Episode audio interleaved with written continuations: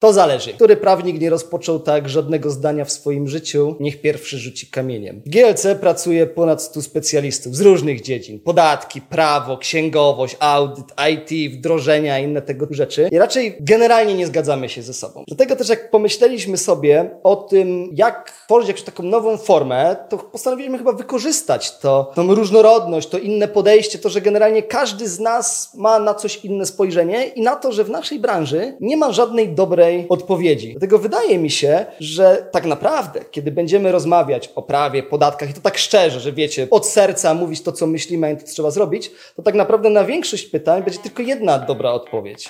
To zależy. Tak będzie? Za chwilę się przekonamy. Dzisiaj chciałbym o tym porozmawiać z Markiem Mikułą.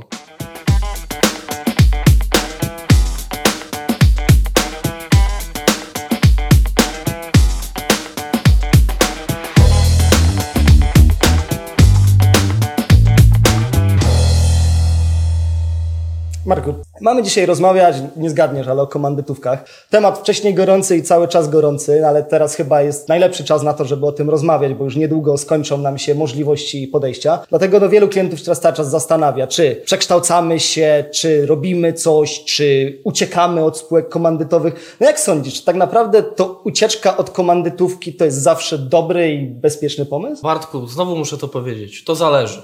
A to wszystko zależy od stanu faktycznego, ponieważ w zasadzie było tak, że myśmy klientów e, chętnie przekształcali w spółki komandytowe, bo to był dobry sposób na już nielubianą optymalizację podatkową. Teraz musimy klientom mówić, że trzeba z komandytówkami uciekać, tak?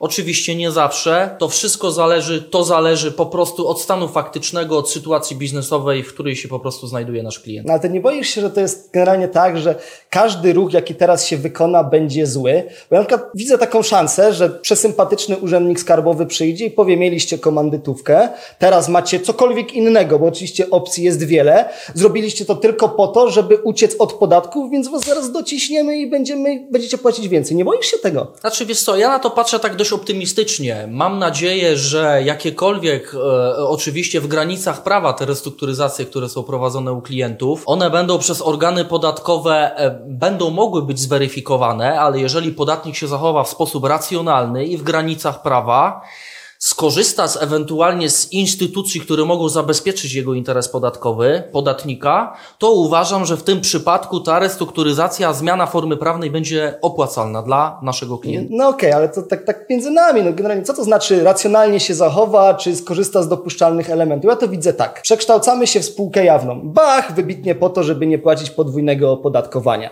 Zmieniamy komplementariusza z komandytariuszem, to organ przychodzi i mówi, hola, no ale wcześniej wciskaliście nam kit, że E, robimy to tylko dla bezpieczeństwa, a teraz jak się zmieniają podatki, to automatycznie wszyscy uciekamy, hura, i nagle to bezpieczeństwo już dla nas się nie liczy. Czy nie boisz się generalnie tak, że właśnie znalezienie tego racjonalnego i zgodnego z przepisami prawa, czy jak tam chyba mówią przepisy garowskie, zbieżnego z celem i przedmiotem prawa podatkowego rozwiązania wcale nie jest to jakieś proste. Widzisz, na przykład tak, naprawdę widzisz taką sytuację, kiedy możemy coś zrobić z komandytówką i zachować się w sposób obiektywnie racjonalny, powiedzmy, tak? Tak? A nie, że myślimy, że damy radę. Znaczy tak, na pewno widzę racjonalne rozwiązanie takie, że my możemy spółkę komandytową zawsze przekształcić w spółkę kapitałową. I to dla Urzędu Skarbowego jest generalnie łakomy kąsek, łakomy kierunek, ponieważ my zmieniamy formalnie jeszcze przekształcenie spółkę, która jest opodatkowana transparentnie podatkowo, zaznaczam, do końca kwietnia niestety, Wiadomo. ale zamieniamy ją na podatnika CIT, czyli tego podatnika, którym stałaby się spółka komandytowa i tak od maja, ale jest to o tyle kierunek e, moim zdaniem ciekawy i do rozważenia prze, przez naszych klientów, jak już też rozważony w praktyce, że spółka kapitałowa w zasadzie jest spółką, która gwarantuje zdecydowanie większe bezpieczeństwo prawne niż spółka komandytowa, tak? Bo trzeba to powiedzieć wprost, że w przypadku spółki ZO czy spółki akcyjnej mamy w zasadzie całkowicie oddalone bezpieczeństwo, e, odpowiedzialność osobistą wspólników. Ona oczywiście mhm. jest jakaś w przypadku zarządu, ale e, możemy zmienić formę prawną na bardziej bezpieczną. To jest taki kierunek moim zdaniem naturalny i patrząc na to zupełnie optymistycznie, który nie będzie moim zdaniem zakwestionowany przez organy podatkowe. Właśnie, ale nie boisz się, że tutaj brzmi organu podatkowego tylko klienta, bo wiesz, tak powiemy mu, no dobra, spółki komandytowe będą podwójnie opodatkowane, więc przekształcie się w spółkę ZO, która też jest podwójnie opodatkowana. Ja się tutaj, prawdę powiedzieć, chyba najmniej boję, bo rzeczywiście masz rację. Jak tu zapłacę podwójny podatek, tam zapłacę podwójny podatek, to organy podatkowe mają to, no. E, natomiast ja się boję tych innych takich rzeczy, bo wiesz, tutaj problem jest taki, że y, zostajemy w CIT-ie, tak? Ale tak. większość klientów, no nie ukrywajmy, mało który klient przychodzi i mówi, ja chcę się stać spółką ZO, będzie dla mnie to prostsze. Większość klientów jednak mówi, co mam zrobić, żeby dalej płacić tak niski podatek? Ja się boję tych rzeczy bardziej, wiesz, takich spółki jawnej właśnie, zamiany komandytariusza z komplementariuszem. Ja się boję jakichś takich tworzenia buforów, że jesteśmy spółką ZO, która fakturuje, a my oczywiście na hip, hip, hura, faktury na działalność gospodarczą. Czy tu mamy jakiś taki argument, którego moglibyśmy użyć i myślisz, czy w ogóle jest taka opcja, żeby bezpiecznie to zrobić i to obronić? No bo o to nam tutaj przede wszystkim chodzi. Tak, znaczy na pewno ten kierunek, który wskazałeś, czyli e, to, co powiedziałeś na początku, spółki jawne, one generalnie w tym roku i, i, w następnym, mam nadzieję, będą spółkami transparentnymi podatkowo. Pod warunkiem, że nie będą mieć w swoim składzie Wiadomo, spółki kapitałowej. Mhm. Jeżeli my dopełnimy wszystkich formalności związanych ze zgłoszeniem składu osobowego wspólników spółki jawnej, to taka spółka będzie korzystała nadal z statusu spółki neutralnej, no tak. znaczy e, transparentnej podatkowo. I uważam, że jest to ciekawa, e, ciekawy kierunek rozważenia restrukturyzacji czy zmiany formy mhm. prawnej, żeby przekształcić się po prostu w spółkę jawną. E, trzeba pamiętać, że w tym przypadku wspólnicy nadal będą płacić podatek na poziomie, e, zakładam, 19% liniowy i to będzie ciekawa alternatywa do wpadnięcia w CIT od 1 maja. E, oczywiście, jeżeli spełnimy wszystkie warunki formalne, które przewidziała ustawa. Okej, okay, przerwę, bo ja się 100% rzeczywiście z tym zgadzam. Znaczy, nie boisz się czasem, że będzie tak, że my się przekształcimy w jawną, przyjdzie organ podatkowy i powie, dobra, fajnie, macie jawną, transparentna podatkowo, ale ja totalnie ignoruję wasze podejście. Mamy klauzulę ogólną o przeciwdziałaniu unikaniu opodatkowania, mamy GAR, w związku z tym, że mamy GAR, no to ja mogę Ci powiedzieć, drogi podatniku, że Twoje ruchy mi kompletnie nie interesują i Ty sobie tą spółkę jawną to możesz zabrać do innego kraju, bo u nas i tak będziesz płacić podatek podwójnie. Czy nie boisz się, że ten ruch komandytówka na jawną automatycznie wrzuca nas w to ryzyko, że no właśnie zastosowania wobec nas klauzuli unikaniu podwójnego podatkowania i że organ i tak nam każe za, zapłacić podwójny podatek, tak jakbyśmy tych ruchów nie, byli, nie robili. Bo ja szczerze tutaj pewne ryzyko widzę. Znaczy ja rozumiem, rozumiem Twoje wątpliwości, bo wszystko się e, zasadza wokół stwierdzenia, czy e, cel, który nam przyświęca, to wyłącznie korzyść podatkowa. Ja osobiście nie wierzę, że naszym klientom chodzi tylko o podatki. Myślę, że trzeba szukać czegoś więcej w tym wszystkim i w zasadzie, jeżeli e, klienci, klientom uda się połączyć tą zmianę formy prawnej również z na przykład zaplanowaniem jakiejś sukcesji, mhm. również z na przykład zmianą modelu biznesowego i, i klienci będą w stanie to racjonalnie uzasadnić, a nie wyłącznie to, że zamieniamy formę prawną tylko dlatego po to, żeby zmienić formę opodatkowania, to uważam, że istnieje szansa, że szef KAS czy organy podatkowe nie zainteresują się tym w kontekście klauzuli przeciwko unikaniu opodatkowania. Oczywiście ryzyko jest i trzeba to powiedzieć wprost, że te ryzyka istnieją, ale mamy oczywiście, i tu myślę, że się ze mną zgodzisz, my mamy też instrumenty, żeby klientów zabezpieczyć w ten sposób, bo jeżeli będziemy mieć sytuację taką niepewną bądź skrajną, my możemy możemy o to zapytać. Oczywiście nie w drodze interpretacji indywidualnej, bo nam może szef kasu odmówić, ale mhm. możemy na przykład złożyć e, zapytanie o to, e, czy czy po prostu taki, taki stan faktyczny jest objęty na przykład klauzulą ogólną w drodze opinii zabezpieczającej. To z takiego instrumentu można by było na przykład skorzystać. Można. Jak dla mnie, to tak szczerze w ogóle nie mamy czego szukać przy przekształceniach w jawną, jeżeli nie dorzucimy do tego czegoś jeszcze. Bo tak, ja się boję, oczywiście. że byliśmy komandytówką, teraz jesteśmy taką samą jawną przy takim samym składzie wspólników. Jak dla mnie narażamy się na strzał, więc ta sukcesja, inne tak. tego typu rzeczy, no muszą być z tym związane. No my tak. oczywiście musimy wierzyć naszym klientom, że głównie o to im chodzi, a nie tworzyć rzeczywistość. Oczywiście. Y, opinia zabezpieczająca, super sprawa. Tylko ja się jednej rzeczy boję, że siedzimy z klientem na tym stoliku na przykład i teraz powiemy, no jest taki świetny sposób, żeby zagwarantować Ci, drogi kliencie, bezpieczeństwo, opinia zabezpieczająca, 20 tysięcy kosztuje i to nie chodzi o nasze wynagrodzenie, bo on tu robi wielkie oczy, a mówimy, no 20 tysięcy, musicie plus zapłacić. nasze wynagrodzenie. Plus nasze wynagrodzenie, które pewnie też no niskie nie będzie. Nie? I teraz jak powiedzieć klientowi, bo ja, ja wiem, ja się z tą 100% zgadzam, że to jest super, że opinia jest idealna, nie? Tylko jak przekonać klienta, żeby włożył 20 kafli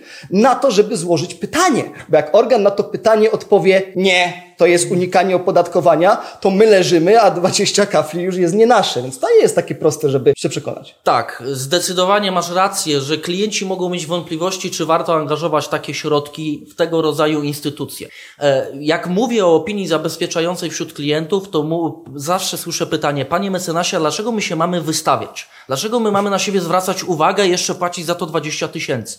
To jest oczywiście kwestia o to, czy my w danym stanie faktycznym czujemy się na tyle pewnie i bezpiecznie, że ruch, który wykonamy z punktu widzenia oceny przepisów podatkowych, nie przysporzy naszym klientom jakichś reperkusji, tak, na gruncie, na gruncie no. podatkowym. Planowane działania są obarczone bardzo dużym ryzykiem. Są na przykład to zaangażowane wysokie aktywa, czy potencjalnie wysokie korzyści podatkowe uważam, że te 20 tysięcy warto poświęcić i zawsze warto klienta do tego zachęcić. Oczywiście w, w, innych stanach faktycznych, kiedy klienci w zasadzie to są mniejsze podmioty, trudno będzie nam przekonać do tego zarówno klienta, jak i nawet siebie, że jest to warte skorzystania w tej, z tej sytuacji. Zawsze można skorzystać z instytucji prostszej i tańszej. Po prostu, jeżeli możemy uznać, że tę transakcję, którą będziemy przeprowadzać, posługując się już tym przykładem przekształcenia komandytową w spółkę jawną, możemy po prostu przyznać, że to, e, jeżeli my nie mamy argumentów o klienta, możemy przyznać, że takie działanie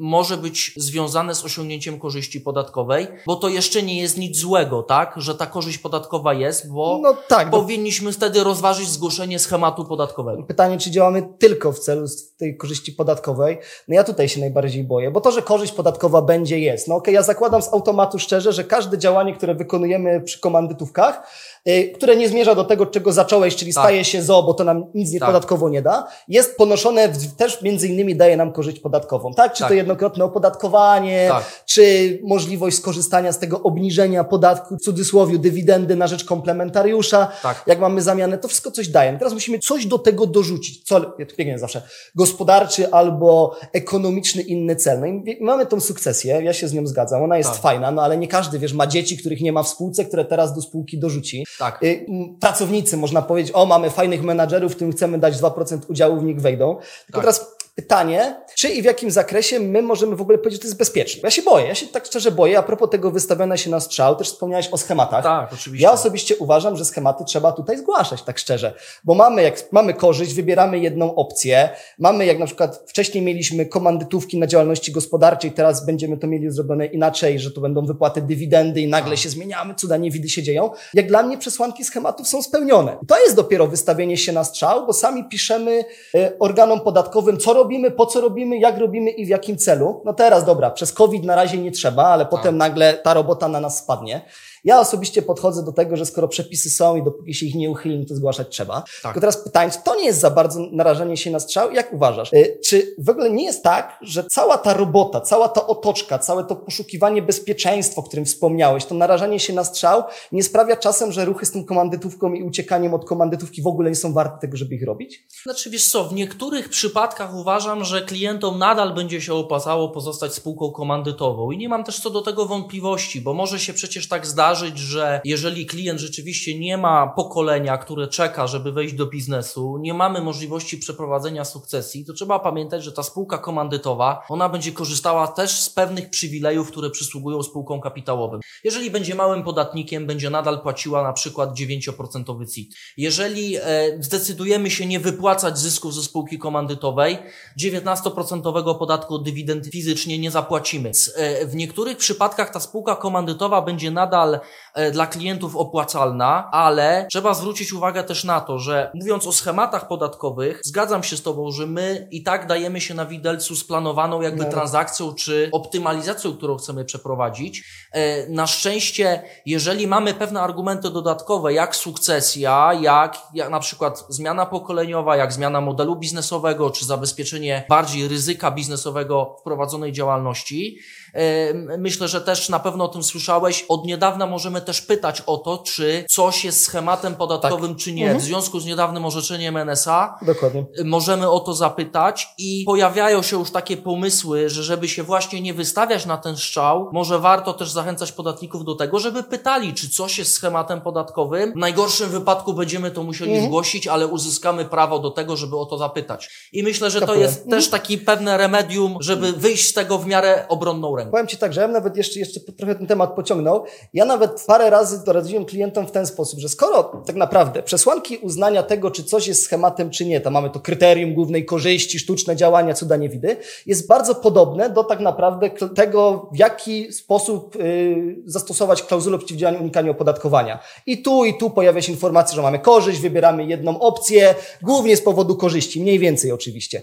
Jak myślisz, czy w ogóle to może byłaby alternatywa zamiast tych 20 kafli? Bo ja osobiście widzę w tym szansę, że my zapytamy o interpretację, czy to jest schemat i to działanie spełnia kryterium głównej korzyści, a że to kryterium głównej korzyści, a to jest 40 zeta, nie? Tak. Opłata za wniosek. A że to kryterium głównej korzyści to jest generalnie prawie to samo, co klauzula garowska, to jak organ nam powie, tak, to kryterium jest spełnione, to my czasem nie skracamy sobie trochę drogi? Widzisz coś, coś w tym pomyśle? Słuchaj, to co powiedziałeś, to e, ja się z tym jakby w zupełności zgadzam, ponieważ te kryteria, które rozróżniają, powiedzmy, klauzulę przeciwko unikaniu opodatkowania, sam schemat są, tak jak powiedziałeś, bardzo zbliżone. I my jesteśmy, my mamy możliwość uzyskać e, tańszą drogą, bo to, czter, to jest po prostu 40 zł, pośrednią odpowiedź na to, czy wpadalibyśmy w klauzulę.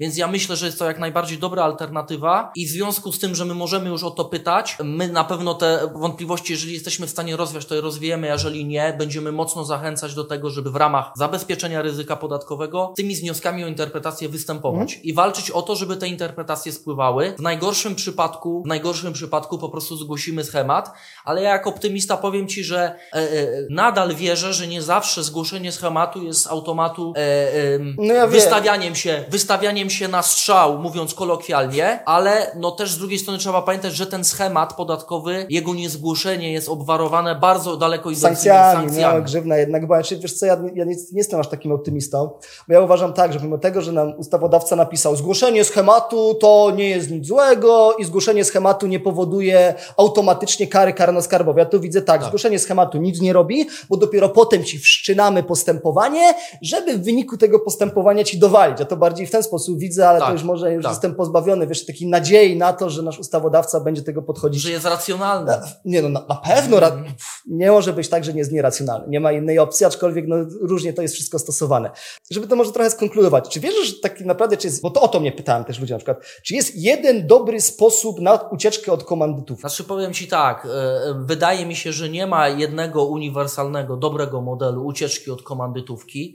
Na pewno musimy rozważyć te różne warianty, które generalnie są wdrażane u klientów albo będą wdrażane. E, m, Obserwujemy jakby takie trzy tendencje. Albo e, zmiana formy prawnej w spółkę jawną, albo w, e, powracamy do spółki kapitałowej, ale nie tylko dlatego, No to że daje nam mniej podatków, nie? że to jakby z, zmienia jakby sposób opodatkowania, ale spółka ZO też jest potem punktem wyjścia do dalszej restrukturyzacji. Mhm, która możemy też korzystnie u klienta przeprowadzić. Oczywiście trzecia, trzecia forma to, to kla, ta klasyczna zamiana komandytariuszy na komplementariuszy, komplementariusza. ale te działania, zamiana ról w spółce komandytowej, jak i spółka jawna, musi być zabezpieczona jakimś dodatkowym instrumentem. Coś jeszcze, zawsze musi, Musi być jeszcze. do tego zawsze coś jeszcze. To moim zdaniem będzie wtedy w miarę, zaznaczam w miarę bezpieczne rozwiązanie dla podatnika. Takiego uniwersalnego remedium moim zdaniem nie ma, Nie ma. niestety. Jakbyśmy nie, nieważne jak na to optymistycznie patrzyli i, i zawierzali ustawodawcy, nie jesteśmy w stanie klientom zapewnić jednego bezpiecznego rozwiązania, bo takie rozwiązanie moim zdaniem nie istnieje. No nie istnieje, no ja myślę, że nawet nie ma tutaj coś, co, co kombinować. Nie ma wybitnie dobrego rozwiązania. Zawsze musimy coś do A. tego dołożyć, taka jest prawda. Cała reszta to jest spełnianie marzeń, a chyba też nie o to w naszej robocie chodzi. Zdecydowanie. Więc tak, taka smutna konkluzja mi się troszkę tworzy, jak tak sobie teraz rozmawiamy, że jak w sumie następnym razem klient mnie zapyta, co zrobić, żeby uciec od komandytówki i nie uciec, no to ja będę zastanawiać się, co mu powiedzieć, ale tak czy siak chyba Przecież wiesz, co trzeba mu powiedzieć, nie? to zależy. No niestety, to zależy. No, tak, takie życie prawnika. Dobra, życie. to dzięki w takim razie za rozmowę. Bardzo dziękuję. Ale czekaj, jeszcze, jeszcze zapomniałem. Jeżeli pojawiają się u Państwa jakiekolwiek pytania, wątpliwości, obawy, może przede wszystkim związane ze spółkami komandytowymi, uciekaniem od tych spółek komandytowych, z przekształceniami czy z raportowaniem schematów podatkowych, jesteśmy po to, żeby Państwu pomóc. Zajrzyjcie na naszą stronę internetową. Jeżeli sprawdzicie Państwo, co robimy, no to zobaczycie Państwo, co jesteśmy w stanie Wam pomóc. To, co Wam szczególnie powinno Was interesować, to takie zakładki jak spółka komandytowa, taka zakładka jak opinie zabezpieczające, jak raportowanie schematów podatkowych, czy wreszcie cały dział naszych usług zatytułowany przekształcenia w biznesie. Tam na naszej stronie znajdziecie Państwo wszystkie niezbędne informacje do tego, żeby z Państwa komandytawkami ruszyć dalej. My jesteśmy oczywiście od tego, żeby Państwa w tym wesprzeć. Naszą dewizą jest to, żeby uczynić Państwa biznes łatwiejszym i po to jesteśmy. Do zobaczenia.